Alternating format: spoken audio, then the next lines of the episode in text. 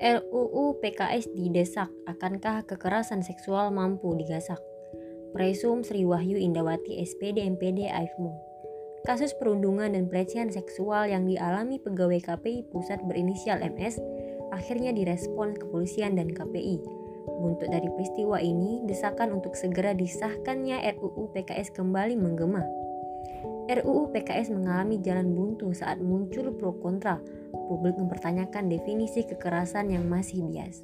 Apalagi penyimpangan dan kejahatan seksual tak masuk dalam klausul di RUU ini. RUU PKS hanya membahas seputar kekerasan seksual, sementara penyimpangan seksual dan hubungan seksual atas dasar suka sama suka tidak dianggap sebagai bentuk kejahatan seksual.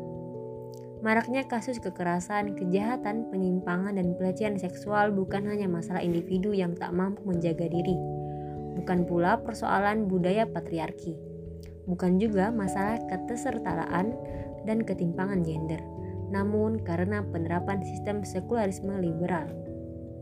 Sistem kehidupan sekuler memberi kebebasan bagi perilaku menyimpang seperti aktivitas pacaran, LGBT, dan sejenisnya belum lagi peran media yang banyak merangsang pemenuhan naluri seksual secara liar.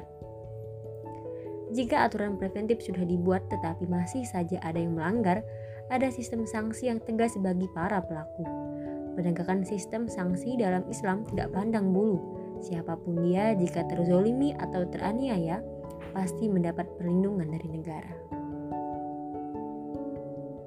thank you